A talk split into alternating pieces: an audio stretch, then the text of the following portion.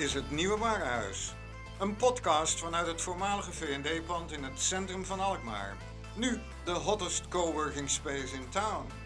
Je hoort hier niet alleen interviews en verhalen van en over ondernemers in het Nieuwe Warenhuis, maar ook gesprekken met andere entrepreneurs, creatieven en bestuurders over zaken in en om de Kaarstad.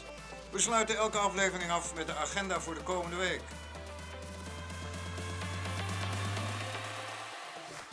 Learning lunches, meetups en events. Heb jij nieuws te melden over een event of je eigen business? Stuur een mail aan podcast.hnwalkmaar.nl Adverteren kan ook.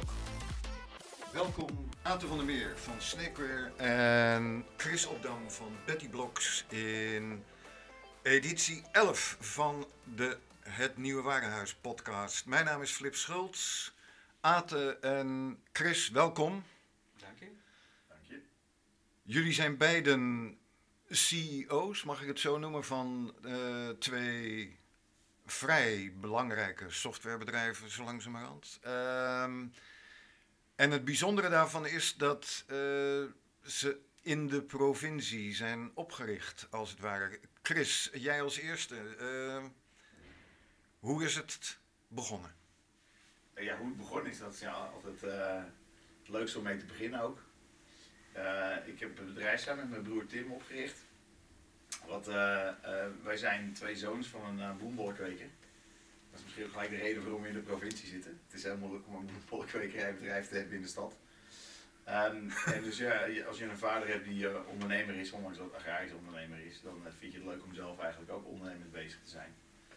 En zo zijn we eigenlijk al in een vroeg stadium in ons leven ondernemend bezig geweest. We hebben een illegaal radiostation gehad, drive-in shows, muziekproducties gedaan. En eh, ik ben al op jonge leeftijd gaan programmeren. En op een bepaald moment hebben we daar ook iets zakelijks van gemaakt. Zo eh, eh, is eigenlijk het, ooit het balletje gaan rollen. En toen ben ik van school afgekomen in eh 2001, 2002. En toen zijn we officieel van start gegaan als bedrijf. Dat heette toen nog niet Betty Blocks, maar dat heette Holder. En een Holder is een, een tweewielige trekker. Daar komt ook weer de link naar het bedrijf van ons vader naartoe. En zo zijn we doorgegroeid. En dat is ook dat we, dat we daarom, eh, dat is ook de reden denk ik waarom we in de provincie zitten, omdat we daar zijn geboren.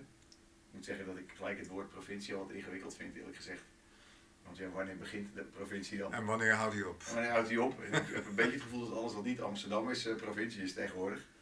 En daar wil ik toch wel een klein beetje tegen in het eh, geweer komen. Superleuke stad, Amsterdam. Jammer van de voetbalclub, zeg ik hier als Alkmaarder. Maar ze doen het goed. En zo zijn we ooit eh, begonnen. We zijn nu eh, doorgegroeid tot eh, 200 mensen.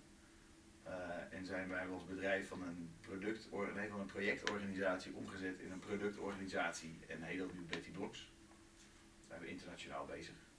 Maar we voelen ons nog steeds twee jongens uit, uit de provincie, dan maar. en daar is voor, in onze beleving niet zoveel mis mee. En dat was een van de vragen, nou, daar kan ik misschien gelijk op inhaken. Zijn de voordelen van in de provincie zitten en de nadelen? Nou, er zijn eigenlijk alleen maar voordelen in. Het enige nadeel is, is dat het soms weer een stukje verder rijden is.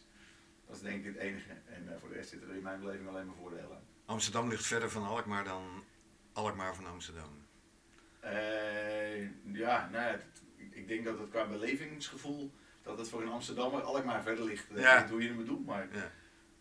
en daar hadden we het net al even over, dat als jij aan iemand, maakt niet uit uit welk ander land, misschien België uitgesloten, uitleg waar Alkmaar zit.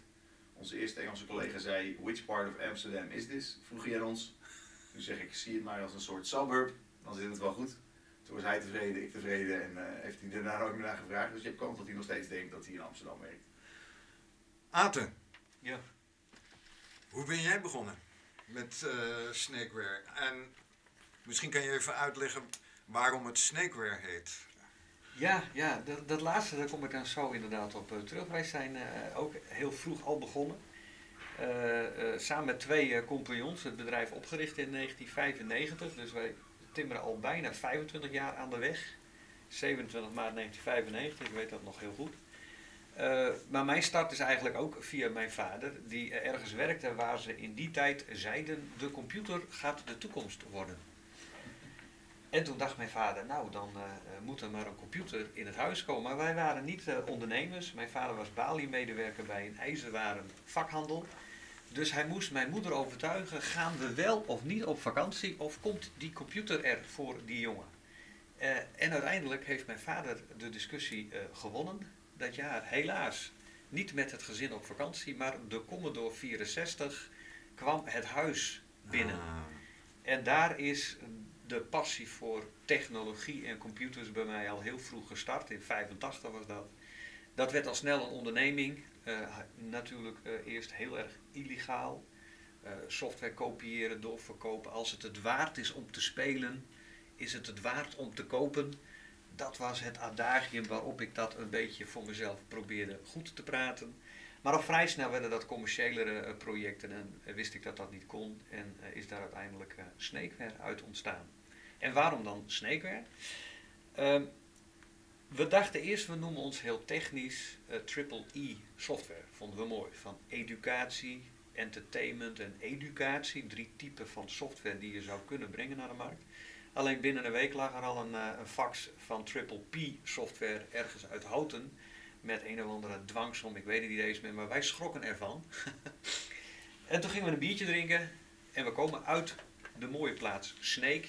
We maken flexibele softwareoplossingen. Destijds, vandaag de dag nog.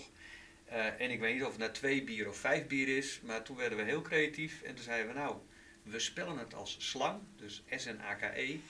Geen hardware, geen software, maar snakeware en eh, de rest is geschiedenis. Mooi. En heb jij nu ook het idee dat je moet opboksen tegen het imago van een bedrijf uit de provincie? Of valt het ermee? Nou, dat, ik denk dat, dat bedrijven eh, die dat zo ervaren zich dat zelf aanpraten. Eh, jarenlang hebben we wat het Calimero-effect gehad en daar maakte ik ook wel eens wat misbruik van. En eh, mijn westerse collega's die vonden dat op een gegeven moment ook maar irritant, want op een gegeven moment ben je niet meer klein. Dus kun je ook niet meer klein opstellen. En klein niet in getal, maar in daden en wat je doet en in je bekendheid. Dus ik heb het vrij lang in ons voordeel uitgespeeld, maar merk nu dat het er niet meer toe doet. Want met ecosystemen en samenwerken en kijken wat je als Nederlandse roots hebbende organisatie wereldwijd kunt betekenen, moet je sowieso heel anders naar je positie en naar je markt kijken. Over die eh, positie in die markt gesproken. Ehm, Betty Blocks maakt wat voor software? Eh, wij maken een eh, no-code ontwikkelplatform. Dus ehm, dat is het product wat wij maken en leveren. Daarmee stellen we niet programmeurs in staat om eh, software te maken. Dat is in de basis eh, wat we doen. Uit de provincie. En dat was al van het begin af aan zo, eh, Chris? Nou, we zijn wel al in het begin, het is wel altijd heeft, is het onderdeel geweest van hoe wij dingen aanpakken. Kijk, aan het begin waren we een maatwerk softwarebedrijf, dus dan pak je gewoon redelijk breed projecten aan. Dan krijg je al meer specialisatie. Eh, en tijdens die groei ehm, is mijn broer, eh, ik ben, was meer de programmeur, mijn broer was meer de operations manager. En die wilde ook onze interne software verder optimaliseren, zodat we beter ons werk konden doen. En ja, dat maakten we op maat, want standaard software was eigenlijk niet goed. Het voldeed niet. Nou, dat is eigenlijk nog steeds vandaag de dag zo. Dus hij, we maakten het intern. En wat er gebeurde is dat mijn broer moest het aan de programmeurs vragen om dat aan te passen. En die zeiden, we hebben geen tijd, want we zijn voor klanten bezig. Dus zei mijn broer, waarom kan ik dit niet gewoon zelf? En ik wil niet leren programmeren. Nou, en zo is eigenlijk het product Betty Blocks is begonnen te ontwikkelen. En dat is al heel lang geleden, dat voordat we eh, officieel Betty Blocks heet. Dus het is altijd al onderdeel geweest van onze visie op softwareontwikkeling. En dat hebben we eigenlijk alleen maar doorgezet. En wat je nu ziet is dat eh low-code, zoals de bredere categorie heet, Ja. op dit moment heel erg eh, ja, hip is en heel erg heet als een trend. Dus daar zijn wij uiteraard heel blij mee. Alleen ja, het is niet iets wat we, waar we op zijn gesprongen toen het de trend was. We deden het eigenlijk al voordat het de trend er was en dat we wisten dat we aan low-code eh, deden. En zo zijn er eigenlijk wel meer eh, ontwikkelaars eh, in onze hoek die het op die manier hebben. Zo zie je ook partijen die uit de jaren 80 komen die ook opeens nu low-code heten. Waar wij dan weer een beetje op moeten gniffelen Ja, het iets anders is. Die denken, wij springen handig op de trend in. Ja, en daar is op zich niks mis mee. Ja. Nee. Opportunisme is mij ook niet vreemd. Dus, het gaat erom dat onze klanten en potentiële klanten het verschil zien. En ik denk dat dat wel goed zit. Hoe is de naam Betty Blocks ontstaan trouwens? Heeft dat met een vriendinnetje te maken? Of, eh? Nee, ja, het is ook niet mijn moeder, ook niet mijn dochter. Eh, die heet alle twee anders. Ehm, wat het, eh, we hebben eigenlijk altijd al een voorkeur gehad om voor afwijkende namen of voor een naam te kiezen met een verhaal erachter. En ons eerste bedrijfsnaam Holder was letterlijk een machine die mijn vader in het bedrijf had. En dat was een soort cultapparaat. En wij dachten, nou is leuk om ons bedrijf daarna te vernoemen. Dus er is letterlijk een bedrijf dat heet Holder uit Oostenrijk. Dat maakte machines.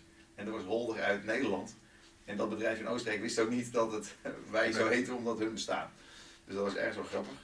En toen wij Betty Blocks maakte het product, ehm, wat heel erg belangrijk is, is dat wij proberen de technologie eruit vandaan te houden. Dus het gaat om de mensen die die software maken.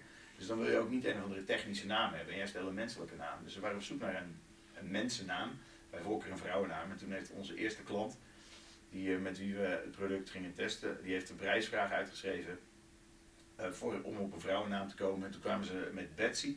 Oh, dat was ook, ze, ze probeerden ons ook een beetje te jennen natuurlijk, want als wij een naam mogen bedenken, verzinnen we de meest afgrijzelijke naam. En toen dachten ze Betsy. Dachten wij, nou, dat is een naam voor een koe. Vonden en toen dachten we, nou, Betty, dat lijkt erop, dat is misschien wel een leuke. En toen hebben we daar Betty Blocks achter gezet, omdat het een beetje uitlegt hoe het concept werkt. En dat valt op, en daar houden we van. Jullie maken no-code ontwikkelprogramma's uh, voor zakelijke markt, ja. vermoed ik. Klopt. Um, Aten, Ja. wat maken jullie? Ja, ik, ik, ik herken Meer, wel- meerdere dingen. Ja, meerdere dingen, maar ik herken wel heel veel in wat, wat Chris zegt in de fases in je bedrijf. Ik vind trouwens Betty Blocks heel goed gekozen als naam. Dat klinkt ook gewoon sterk als merk wat je internationaal goed uit kan rollen, dus complimenten daarvoor. Wij kijken ook heel erg naar eh, de ambitie van een no-code, alleen zit er nog lang niet daar, want wij zitten als organisatie nog heel erg in heel veel maatwerkprojecten op basis van onze eigen software core. eh, die we in 99 gestart zijn, toen al in de cloud, maar toen wisten wij als Friese helemaal niet dat dat cloud heette. Toen hadden wij het over ASP of SaaS en later werd dat cloud. Eh, tegenwoordig weten we wel sneller hoe je dingen wel goed moet eh, noemen en duiden. Maar uiteindelijk is onze backbone nog altijd het Snakeware CMS. Zo technisch als het klinkt, is het wellicht ook, waar heel veel van onze producties grotendeels toch op eh, draaien. Maar dat is eh, veel development, want we ontwikkelen zelf het product door. Het is heel veel API, dus gebaseerd op, noem het maar, stekkers, zodat het makkelijk te stekkeren is met pakketten en diensten van derden, back-office applicaties of cloud applicaties om de klant zo goed mogelijk te bedienen.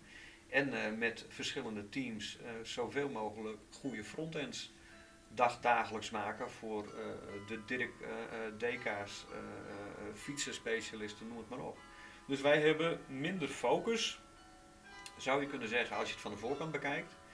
Maar aan de achterkant is het gewoon één grote doorontwikkeld tool, zie het maar als een gereedschapkist, waar wij heel snel veilig, betrouwbaar, robuust productie mee kunnen draaien. Chris had het erover eh 200 man inmiddels, Betty Blocks, aan personeel. Hoeveel man werken er bij Snakeware? Eh, een 65 denk ik inmiddels. Op drie vestigingen. Dus Snake als hoofdkantoor in een mooie oude ronde gashouder, waar ik super trots op ben. Eh, in Groningen vorig jaar gestart, want we konden vanuit Snake niet meer harder groeien. Want er was naar Snake, wat ons betreft, te weinig trek om eh, talent, jong talent, daar echt te vinden en aan ons te binden. Groningen gaat dus eh, eh, redelijk hard, want er zit gewoon een universiteit en een Hanse Hogeschool waar gemiddeld genomen goed talent vandaan komt. En Amsterdam om meer de merkstrategie en het designaspect, wat we ook gaaf vinden. Misschien kunnen wij geen keuzes maken. om dat daar meer te ontwikkelen. Maar dat doen we onder een andere naam. En hoe heet dat? Dat heet MyBrew.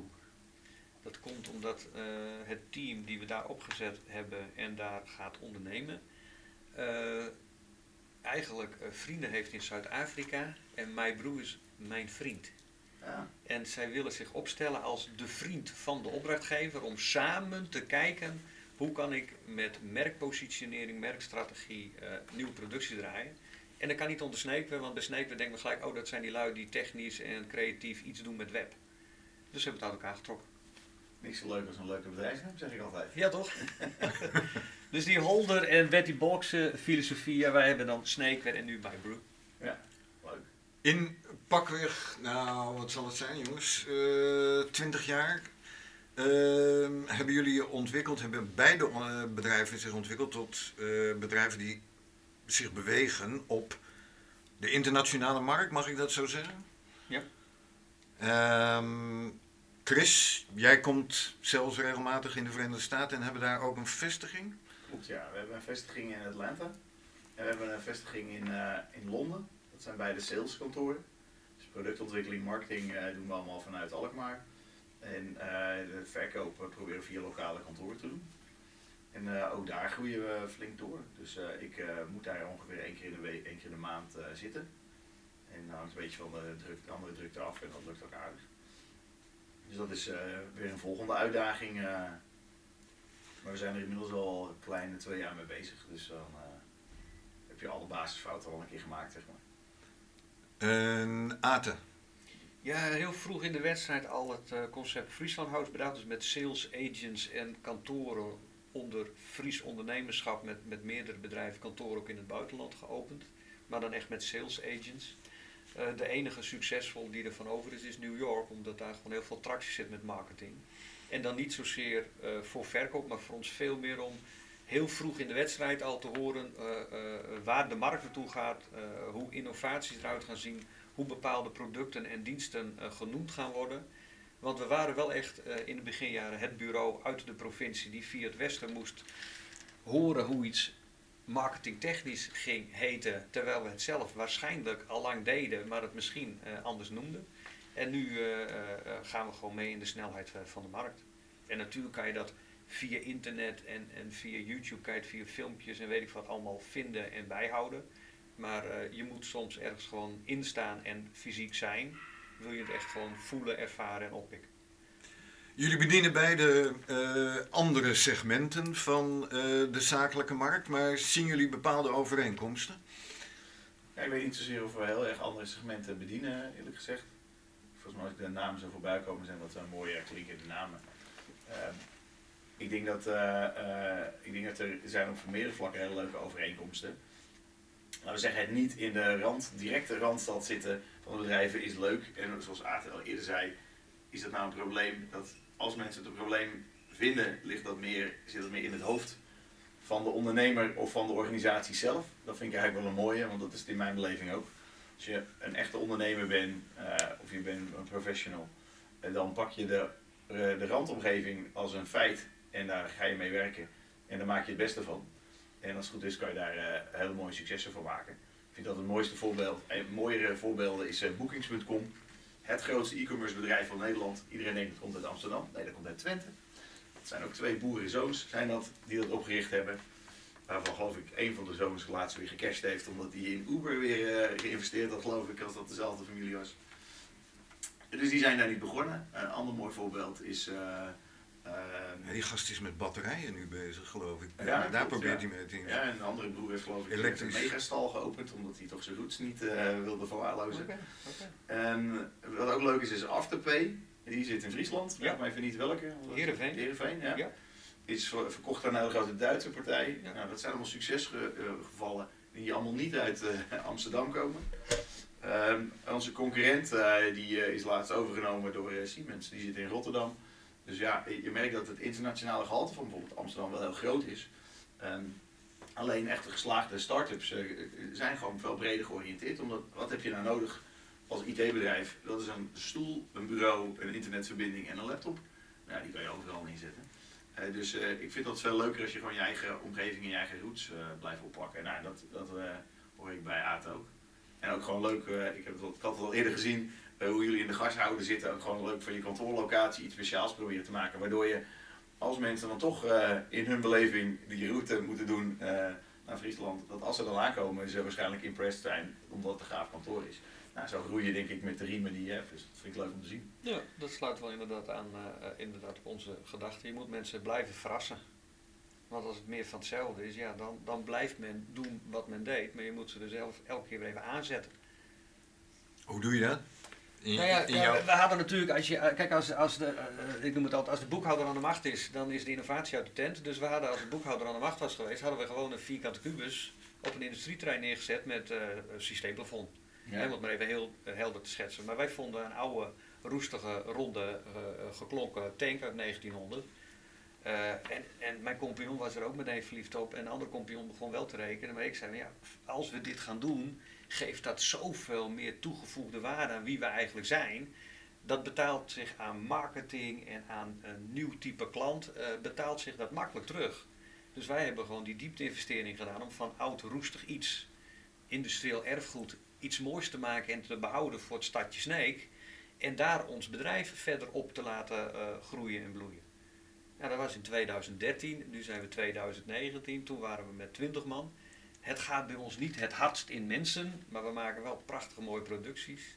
Eh, maar we hadden het gebouwd voor 40 man, nou die zitten er nou ruim in. Dus eh, ja, in vier jaar tijd is daarin iets voller geworden dan we verwacht hadden.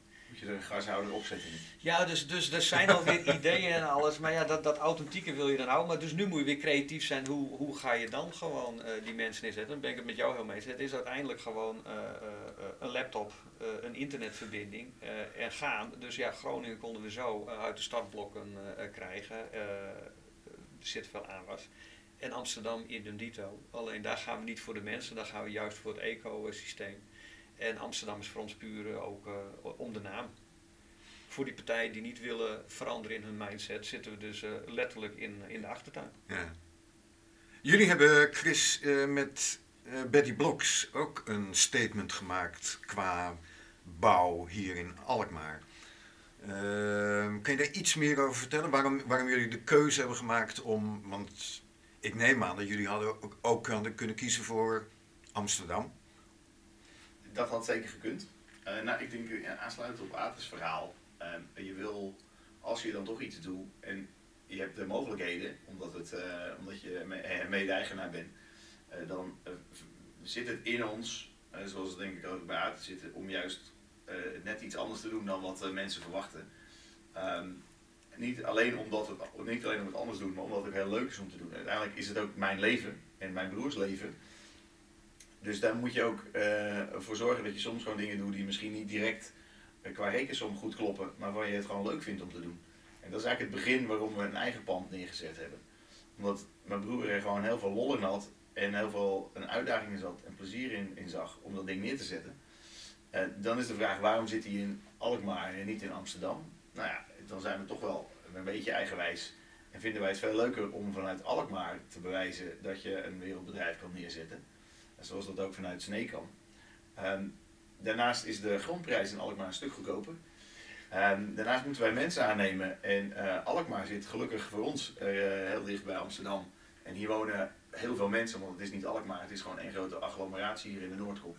Dus qua mensen werven zagen wij al dat het geen probleem zou zijn. Daar geloofde niet iedereen in. Uh, maar we hebben inmiddels bewezen dat de hiring het minste van onze problemen op dit moment is.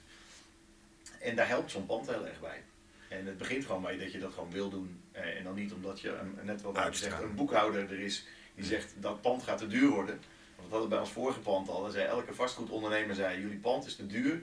En uh, dat ga je nooit voor zoveel geld verkopen. Maar ja, we hadden er gewoon wel heel veel zorg en aandacht aan besteed. Toen gingen we verhuizen naar Alkmaar. En toen zeiden we letterlijk tegen één partij dat we gingen verhuizen. En die zei gelijk, ik wil dat kopen. Want dat is zo'n mooi pand. En dat verwachten we ook, maar we verwachten dit niet te gaan verkopen, maar als je gewoon iets neerzet met een statement, uh, als jij de vastgoed komt, dan snap je niet de gevoelswaarde die erbij zit. Want dan ben je alleen maar vanuit je Excel-sheet aan het redeneren. En dat is ook de reden waarom eigenlijk nooit goed genoeg een kantoor er is. Nou, dat is de reden waarom het nieuwe waarhuis er is. Dat is niet door vastgoedondernemers neergezet, nee. maar door mensen die een mooie kantoorplek zoeken. En zo zijn we ook ooit begonnen, omdat die kantoorplekken, laten we zeggen, de vastgoedmarkt zelf eilt nogal na bij wat ondernemers en wat mensen en professionals willen hebben als werkplek. Dus, uh, en dat doen ze nogal traag. Dat, uh, of dat doen ze nogal lang over, dat naailen. Dat valt me op. dus dat was alleen al een reden om het neer te zetten voor ons. Aten noemde het net ook al. jij noemde het nu ook. developers krijgen. Dat is in deze tijd niet makkelijk, maar blijkbaar schrikt het uh, niet af om in Alkmaar te werken? Geldt het ook voor jou? Uh, om, krijg jij makkelijk, is dat misschien ook de reden dat je naar Groningen bent gegaan qua locatie? Omdat je daar makkelijker voor mensen kunt vinden met... Ja, ja, ja. kijk, voor ons is Friesland, de roots, Sneek, de basis, zal altijd het hoofdkantoor blijven staan.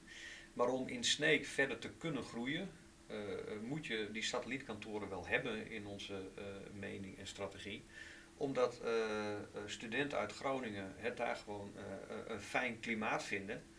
leven, werken, de eerste stappen rond hun carrière. wij investeren gewoon heel veel in talent. maar het kan best zijn dat ze dan 1, 2 jaar in Groningen een bijdrage voor ons geleverd hebben. En vervolgens weer ergens naartoe gaan verhuizen, misschien wel in de richting van Friesland, ja, dan kunnen we ze mooi oppakken en weer meenemen in uh, kantoor Sneek. Want dat zien we wel heel veel als mensen één keer in Sneek ja, een soort stap gemaakt hebben, dan is dat een prachtige mooie leefomgeving. En inderdaad, uh, de prijzen liggen daar anders. Dus ja, waar ze hier op zes tegels uh, met de Prosecco staan te feestvieren, heb je daar gewoon een, een, een tuin waar iedereen vrij in kan wandelen. Dus het is maar net wat je mooi vindt.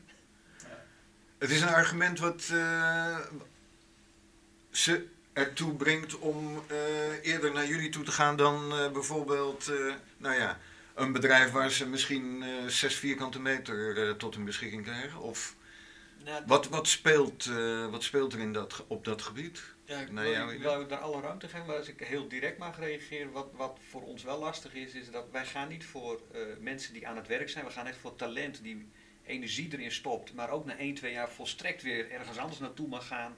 Of, of een eigen bedrijf gaat starten, dan ondersteunen we dat zelfs als dat uh, kan en moet en mag. Zo zijn er uit Sneker ook al 1, 2 hele mooie ondernemingen uh, gestart die het in Friesland heel goed doen. Uh, alleen heel vaak is er niet van tevoren een carrièrepad dat als je bij mij werkt in Sneek, dat je vervolgens in Sneek bij de buurman of bij de buurvrouw aan het werk aan. Die bedrijven zijn er namelijk niet. Dus je moet altijd toch wel reizen naar of Heerenveen of Leeuwarden, nou zijn dat maar relatief kleine stapjes. Mm. Maar als iemand een carrièrepad uitstippelt, ja, als je in Amsterdam werkt, uh, morgen kan je twee deurtjes verderop. Soms zit in hetzelfde pand gewoon uh, de volgende baas. Dus die dynamiek is gewoon wel hoger. En dat, dat, merken wij wel dan, als we het toch over de provincie hebben, dat, dat afstand daar letterlijk wel een dingetje is. Ja, wij zien het daar, ik, ik, begrijp wel goed wat je zegt, maar wij zien dat zelf altijd juist eerder als een, een voordeel. Oké omdat uh, mensen zijn daarmee ook loyaler. Zeker. Uh, omdat uh, als je nu bijvoorbeeld eh, Uber, de softwareontwikkeling van de mobiele app, zit in Amsterdam, als ik het goed heb begrepen. is ook een Nederlandse jongen die dat al jaren doet. Um, die is gegroeid van 20 man daar naar 150 of ik weet niet hoeveel. Um, dus je ziet dat dat trekt heel veel mensen aan, maar dat zorgt er ook dus voor dat mensen jobhoppen. En ja. onze bedrijfscultuur is voor ons heel belangrijk. Dus wij gaan met iemand als we iemand aannemen, nemen we die niet aan voor een jaar, die nemen we aan in, bij, qua intentie de rest van zijn leven. En proberen we erin te investeren dat hij dat kan blijven doen. Dat is niet helemaal meer van deze tijd, zou je zeggen. Nee. Want ja, iedereen uh, uh, gaat heel makkelijk van de een naar de andere baan. Maar als je het uh, iemand vraagt, als hij het naar zijn zin heeft, blijft hij altijd bij voorkeur liefst binnen het huidige bedrijf doorgroeien dan dat hij ergens anders naartoe gaat. Eens. Dus ik snap wel goed wat je bedoelt hoor, en ik ben het ook helemaal mee eens. Alleen wij proberen het toch wel een beetje dan op een andere manier aan te pakken door gewoon aan te geven, oké, en omdat we doorgroeien zijn die mogelijkheden er ook. En uh, het verloop gelukkig bij ons is heel klein. En ze zijn er soms wel. Alleen ons doel is om, om een uitdaging te blijven bieden daarin. Uh, voor zowel developers als andere functies daarin. Waardoor ze, het ook niet erg is dat er ook in Alkmaar geen oneindige pool van andere bedrijven is. Dat is misschien het verschil wel in Alkmaar dat jij je stapt op de trein en je bent wel in Amsterdam. Dus ik denk dat dat wel wat een oneerlijke vergelijking er is. Dus het is voor mij wat makkelijk om te zeggen, de provincie is het prima toeven eh, dan uh, voor jou, want dan is het toch wel net iets lastiger, uh, kan ik me voorstellen, dan dat wij het hier hebben. Dus, maar ja, ik denk dat je het ook als voordeel kan gebruiken. Ja, maar ik, ik ben het wel helemaal eens met jouw filosofie, want duurzaam groeien en iemand perspectief geven voor meerdere jaren, daar herkennen wij ons ook helemaal in. We hebben ook heel weinig verloop.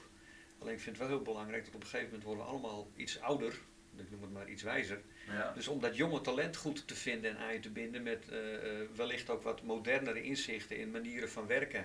En de nieuwste type codes en, en de nieuwste type uh, frameworks.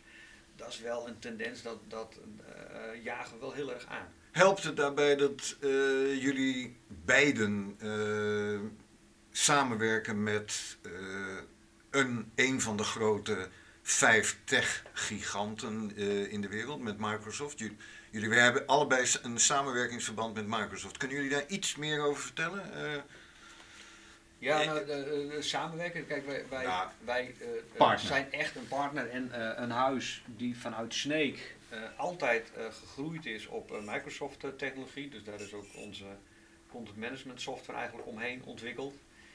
Eh, inmiddels hebben we dat wel een beetje losgelaten, omdat je op een gegeven moment wel volgende stappen moet maken in je groei. Dus in Groningen, en niet dat we in, in plaatsen denken, maar om dat profiel wat helder te schetsen, denken we iets meer in augmented mixed reality eh, projecten eh, en dus ook open source projecten. Komen we misschien straks nog op terug trouwens, dat AR, augmented reality, want dat heeft toch meer de toekomst dan virtual reality. Maar sorry, ik onderbrak je ik, ik geloof dat zeker, maar daar gaan we dan straks uh, inderdaad uh, op door. Maar Microsoft is tegenwoordig ook open source, dus, maar het is in de hoofden van klanten nog steeds gewoon gesloten software. in Snake zitten de productieteams die dus met heel veel energie op Microsoft basis die ontwikkelingen doen. en we hebben een partnership met een andere grote partij, IBM, met betrekking tot Artificial Intelligence Machine Learning. En, en dat zijn uh, uh, ja, samenwerkingen waarbij je tegenwoordig zo makkelijk tegen uh, teams en mensen aan kan praten die helemaal openstaan. terwijl het vooraf altijd gezien werd als echte techgiganten die heel ver van je afstonden. Mm Ja, die partijen hebben weer partijen als ons nodig om snel die innovaties naar de eindklant te brengen. En dat merken we gewoon. Waar het voorheen gewoon volstrekt langs ons ging, uh, en wellicht ook door ervaring en omdat je wat groter wordt, uh, kan je nu samen met die partijen gewoon uh, delen van hun software en van hun clouddiensten gebruiken om heel snel hele mooie producties voor je klanten lijf te zetten. Chris? Ja, nou, ik, ik, het is bij ons ehm, redelijk recent. Ehm, wij zijn altijd wat eigenwijs zelfstandig geweest. We schoppen altijd van nature tegen dingen aan. Dus Microsoft was eigenlijk nooit onze vriend. dus ik helemaal niet, was eigenlijk basis niet zoveel mis mee, maar het was Microsoft en wij waren een Apple-huis. En dan was Microsoft sowieso de vijand. Ja, en uh, sinds de komst van uh, Satya Nadella bij Microsoft is die organisatie best wel veranderd. Ben ik inmiddels achter. Superleuk om te zien. Het brengt ons zeg maar, op, op de onderwerpen waar we het nu over hebben niet zoveel. Ik kan me niet voorstellen dat, dat er iemand bij ons solliciteert omdat hij ziet dat we een Microsoft partnership hebben. Um, dus het is voor ons, voor ons meer commercieel uh, en bedrijfsstrategisch interessant. Ehm, en zeker omdat zij op onze basispropositie ons mede gaan promoten. Uh, en, en zij ook nog tegelijkertijd een van onze concurrenten zijn ook, is dat een van de mooiste dingen om te hebben, dat je concurrent je eigenlijk ook uh, endorst, om het maar in slecht Nederlands te zeggen. Um, dus ja, dat is voor ons wel heel interessant uh, om dat verder uit te bouwen. En dat doen we inmiddels ook uh, internationaal ook. Dus het brengt ons commercieel gezien wel heel veel. Alleen op de dagelijkse operatie van de onderneming heeft het eigenlijk geen, geen, geen impact. Nou, misschien dat er wat gefronste gezichten zijn van de jongens die al 16 jaar bij ons zitten. Die, dat ik voor het eerst vertelde dat we iets met Microsoft gingen doen, moest ik dat even uitleggen. Maar die zijn inmiddels ook helemaal uh, overtuigd. Nu zijn jullie uh, het stadium al lang voorbij van uh, de start-up fase en eigenlijk ook al van de daarop volgende fase. Hoe zien jullie de positie van jullie bedrijven in, in, in, de, in de Europese markt, Nederlandse markt? Nemen jullie daarin een unieke positie in? Ja, nee, um, of niet? We, we, vinden zelf. Aten zit, Aten zit, ik vind, ja, dat is de, de, de, bescheidenheid van de Friesland. Uniek weet ik niet, maar uh, als je een duurzame groeier bent, 24 jaar lang, en je mag met je opdrachtgevers mee groeien in het buitenland, uh, dan kunnen wij heel veel betekenen. Maar uh, als het is van we gaan kantoren openen bemenst of via agents om onze software en diensten in het buitenland uh, actief te verkopen, dan, dan is dat niet wat Snakeware uh, als toekomst ziet. Wij groeien met onze klanten in München, in Berlijn, doen we mooie projecten voor hele niche-spelers in markten. Nu zitten we in één keer weer in het meest mooie design-servies. en in München doen we hele gave internetzuilen, waarbij in Nederland zou denken, dat doe je toch op een mobieltje, maar de Duitse markt kan heel goed werken met internetzuilen, waar wij in Nederland gewoon massaal in principe al overheen gestapt zijn. Dus we kijken ook altijd goed naar wat past bij de markt en de klant. Ja, op die manier uh, groeien we in de buitenlanden, maar gaat heel vaak bij ons uh, samen met opdrachtgevers. Internetzuilen? Ja. In de zin van? Nou ja, gewoon een kiosk in de winkel die via de meest moderne uh, okay, webtechnologie okay. aangestuurd wordt. Dus het is wel gewoon progressive web en het is cloud. Alleen voor de Duitser is dat gewoon, hij loopt naar een zuil, kan er tegenaan hangen, kan erop drukken en komt er bij een product uit en kan het vervolgens kopen. Of er komt een consultant, verkoper aan en die gaat hem begeleiden. Dat geeft een Duitser, even generaliserend, gewoon hou vast in zijn koopproces. en in Nederland hebben we daar al veel meer stappen in gemaakt. Ja, mag ik het alsjeblieft voor mezelf houden op mijn mobieltje en stuur het maar naar huis die markten, hoe dichtbij ook, zijn dus ook compleet verschillend. Ja, hè? Ja.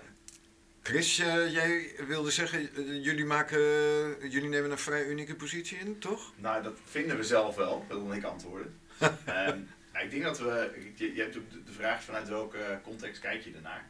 Kijk, in de, het type bedrijf wat wij zijn, zijn wij een low-code eh, eh, leverancier. Dus wij leveren een low-code platform. En daarin eh, hebben we een redelijk, eh, hebben we gewoon onze eigen positie, die daarin uniek is. Ehm, ten opzichte van de andere partijen. Ehm, in de Nederlandse markt zie je dat we qua marktpositie eh, bij de top drie eh, spelers zitten. Ehm, en je zegt dat op de low-code gebied, wat ons vakgebied is, is Nederland de meest vooruitstrevende markt wereldwijd. En mensen vragen altijd waarom dat is. Nou, ik denk omdat er spelers zijn zoals wij, voor wie het onze thuismarkt is, eh, dan gaat het gewoon harder. Eh, daarnaast zie je dat dat in de UK ook redelijk eh, goed gaat. En het is ook wel leuk om te zien dat we juist ook internationaal, waaronder de Verenigde Staten, tegenwoordig ook eh, een, een deuk in een pakje boter kunnen slaan, zeg maar. Dat mensen ons daar ook leren kennen. We gaan binnenkort ook een leuke nieuwe sponsorship van een grote sportorganisatie aankondigen, waardoor we ook onze merk in de Verenigde Staten meer bekendheid kunnen geven. Dus ik denk dat wij door het type bedrijf wat we zijn, de bedrijfscultuur die we met elkaar hebben gecreëerd en het type product in de, en de positie in de markt, denk ik dat wij een uniek bedrijf zijn. Eh, m- de West-Friese nuchterheid, daar dan even tegenaan hangende. Wat eh, het leuke linkje is, want gelukkig hebben we een stukje Friesland in Noord-Holland, eh, zoals wellicht Aten weet. Ja, zeker. Eh, en daar kom ik vandaan. De bescheidenheid die daar is, is, dan zou ik erbij zeggen, zoals elk bedrijf uniek is, zeg maar. Maar ja, ik, ik, heb, ehm, ik vind het wel leuk om, eh, om de combinatie te maken tussen de West-Friese en Noord-Hollandse nuchterheid. maar wel, eh, ook wel, eh, wel de normale ambitie die je erbij kan hebben. Ehm, want ik vind altijd, er is een verschil tussen nuchterheid en, en schuchterheid, zeg maar. En ehm, uiteindelijk willen wij gewoon de grootste speler op no-code gebied zijn wereldwijd. En ja, daar probeer ik andere bedrijven ook vaak in uit te dagen. Is, probeer nou eens een paar trappen groter te denken en te kijken wat daar nou voor is. Want ik kan uit persoonlijke ervaring vertellen dat het superleuk is om te doen. Het is heftig. Je moet wel het leven zo willen leiden. Maar als je er helemaal in zit, dan is dat prima. Ja. Over die ambitie om eh, de grootste te worden in de wereld, eh, daar komen we straks eh, aan het eind nog even op terug. Top drie spelers, zei je. Wie zijn de andere twee spelers op, Ja, op het het gebied van low-code in Nederland? Het is net een beetje hoe je kijkt eh, daarin. Kijk, de traditioneel bekendste in Nederland is Mendix. Is recent overgenomen door Siemens. Is eh, van eh, drie Rotterdamse jongens. Eh, die is ook een stukje groter dan ons. Hij heeft een wat andere propositie dan ons. Hebben een andere bedrijfscultuur. Ja? Ehm, behoorlijk. je merkt dat dat echt wel een heel ander bedrijf is geworden. En als Siemens je overneemt, wordt dat er niet beter op. En je merkt dat, je, ehm, eh, dat we daar alleen al het verschil maken, nog los van het product en de propositie.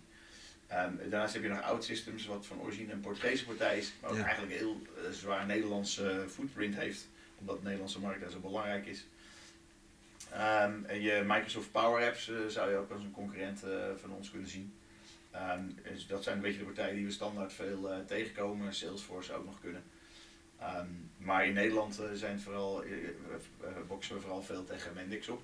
Met veel plezier ook overigens. Het is in de basis nog steeds een hartstikke leuk bedrijf. Conculega's. con-collega's zou je kunnen zeggen, we kennen er veel mensen.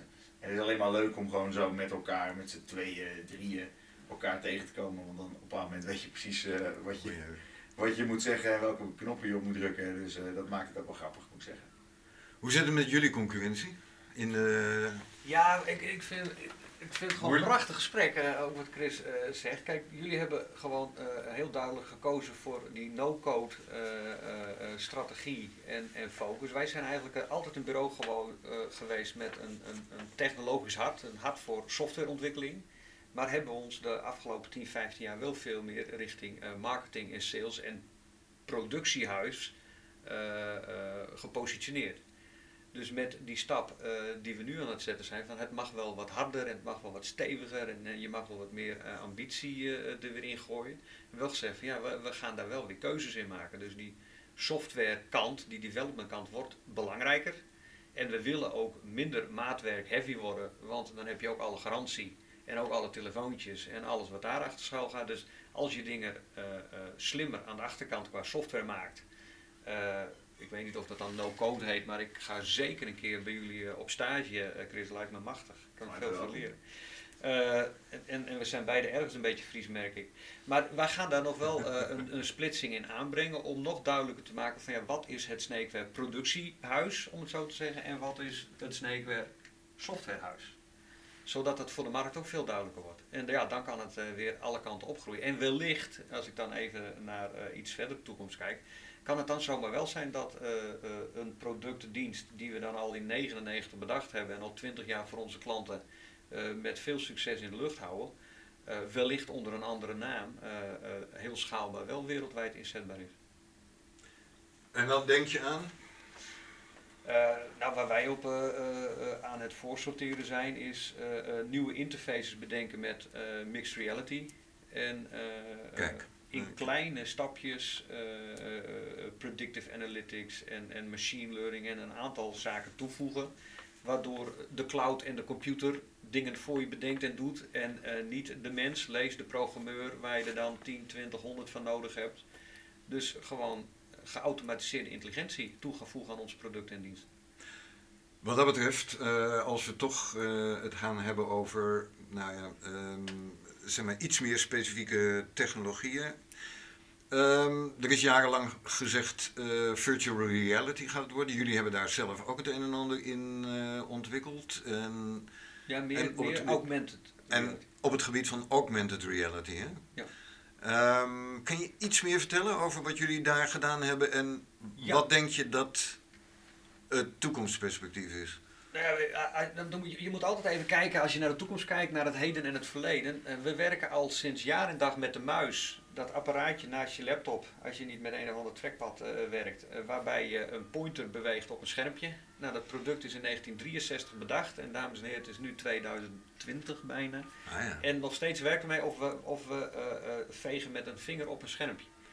Maar een interface projecteren in de werkelijkheid, wat we dan met de HoloLens en via het Microsoft Partnership in ons Mhm. kantoor in New York in 2015 uh, uh, gedaan hebben, waar we veel te log beperkt apparaat vonden. Dus het was mooi als demonstrator, zo'n helm op en kijken naar de wereld en in een schermpje die extra computer uh, graphics zien en kunnen gebruiken.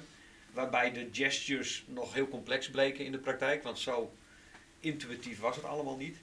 Dat hebben we vervolgens gewoon naar uh, uh, de smartphone gebracht. Want uiteindelijk moet je gewoon kijken van welke producten heeft je klant gewoon in de jas of in de tas.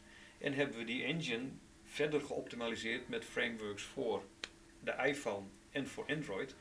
En hebben we bijvoorbeeld met een Hans Bootmannekens het zo gemaakt dat de klant van deze partij, die etalagepop over de hele wereld voor hele luxe modemerken uh, maakt, gewoon met de smartphone in een flagship store waar nog geen uh, mannequin lees etalagepop stond, die gewoon kon projecteren, van de juiste textures en standen kon voorzien en met een druk op de knop kon bestellen, zodat het hele productieproces en kostenproces gewoon naar beneden ging.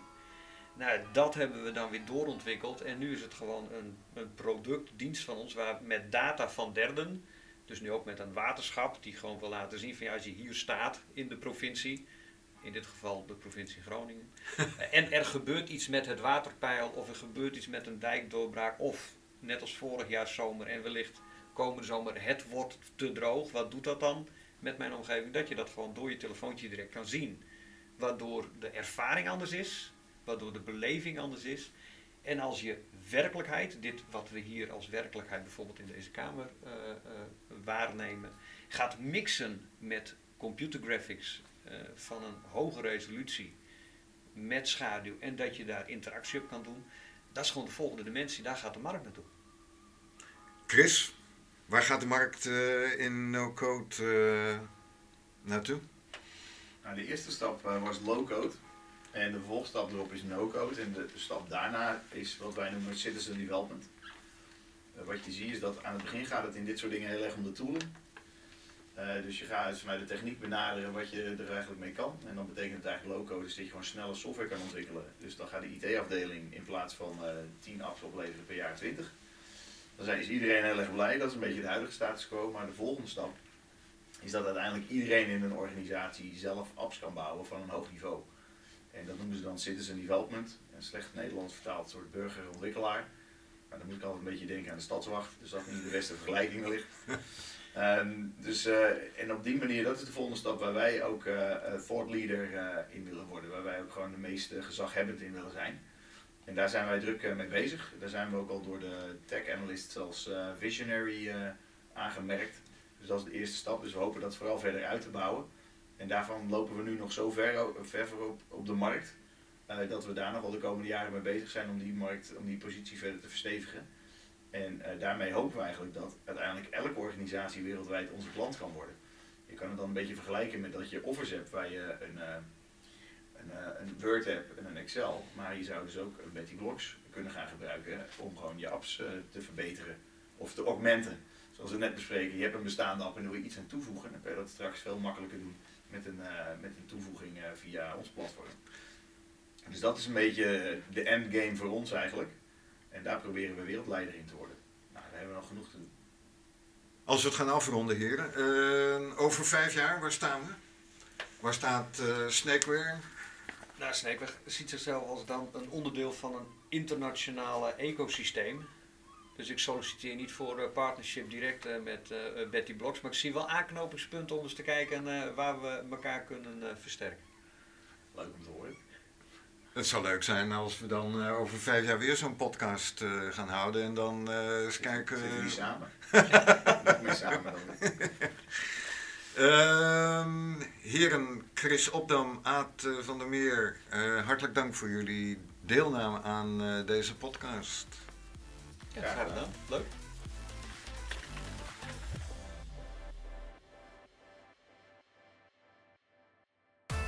De agenda voor het Nieuwe Warenhuis in juni. We gaan de zomer in. Op 5 juni met een learning lunch samen met Klaske Kruk. En Klaske Kruk werkt samen met onder andere Marianne Minnesma van Urgenda, die die belangrijke rechtszaak hebben gewonnen van de Nederlandse staat over de urgentie van onze klimaatagenda. Klaske gaat alles vertellen over wat de circulaire economie betekent voor ondernemers en voor Alkmaar. Een learning lunch die open is voor iedereen. 5 juni in het Nieuwe Warenhuis. 17 juni gaat het Nieuwe Warenhuis on tour. Dan zijn we te gast bij de waterzuivering van het Hoogheemraadschap, Hollands Noordere kwartier. We krijgen een rondleiding, uitleg over wat er zoal in ons rioolwater te vinden is en hoe dat gezuiverd wordt. Let op, er kunnen maar 15 personen maximaal mee, dus meld je vooraf aan. Kijk even op de agenda van het Nieuwe Warenhuis. 17 juni is dat. Op 19 juni is er een learning lunch met Serenlo. Wat doen de dames van Serenlo? Zij komen deze learning lunch vertellen welke impact het werken tussen de ondernemers van het Nieuwe Warenhuis heeft op hun klanten. 21 juni, ja, daar noteren. Campfire, de co-creatie met de HNW Community. Deze keer staat de planning voor de verbouwing centraal. Welke plannen zijn er? Hoe worden die gerealiseerd? En wat is er allemaal nodig? Van half vier tot vijf uur op 21 juni. En op 26 juni hebben we een learning lunch met Stefan Adriani. Deze topondernemer gooide een paar jaar geleden het roer om. Hij verkocht zijn trainingsbureau, stopte met zijn werk als interim manager en doet nu wat hij echt leuk vindt.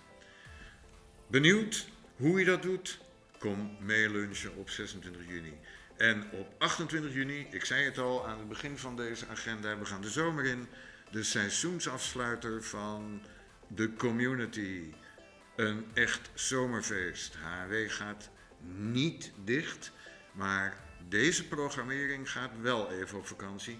En we sluiten het seizoen feestelijk af met een Bring Your Own Barbecue en een Het Nieuwe Warenhuis bij Night. En als je wilt, kun je ook nog eventjes een functioneringsgesprek houden. Dat is hem, de agenda voor juni.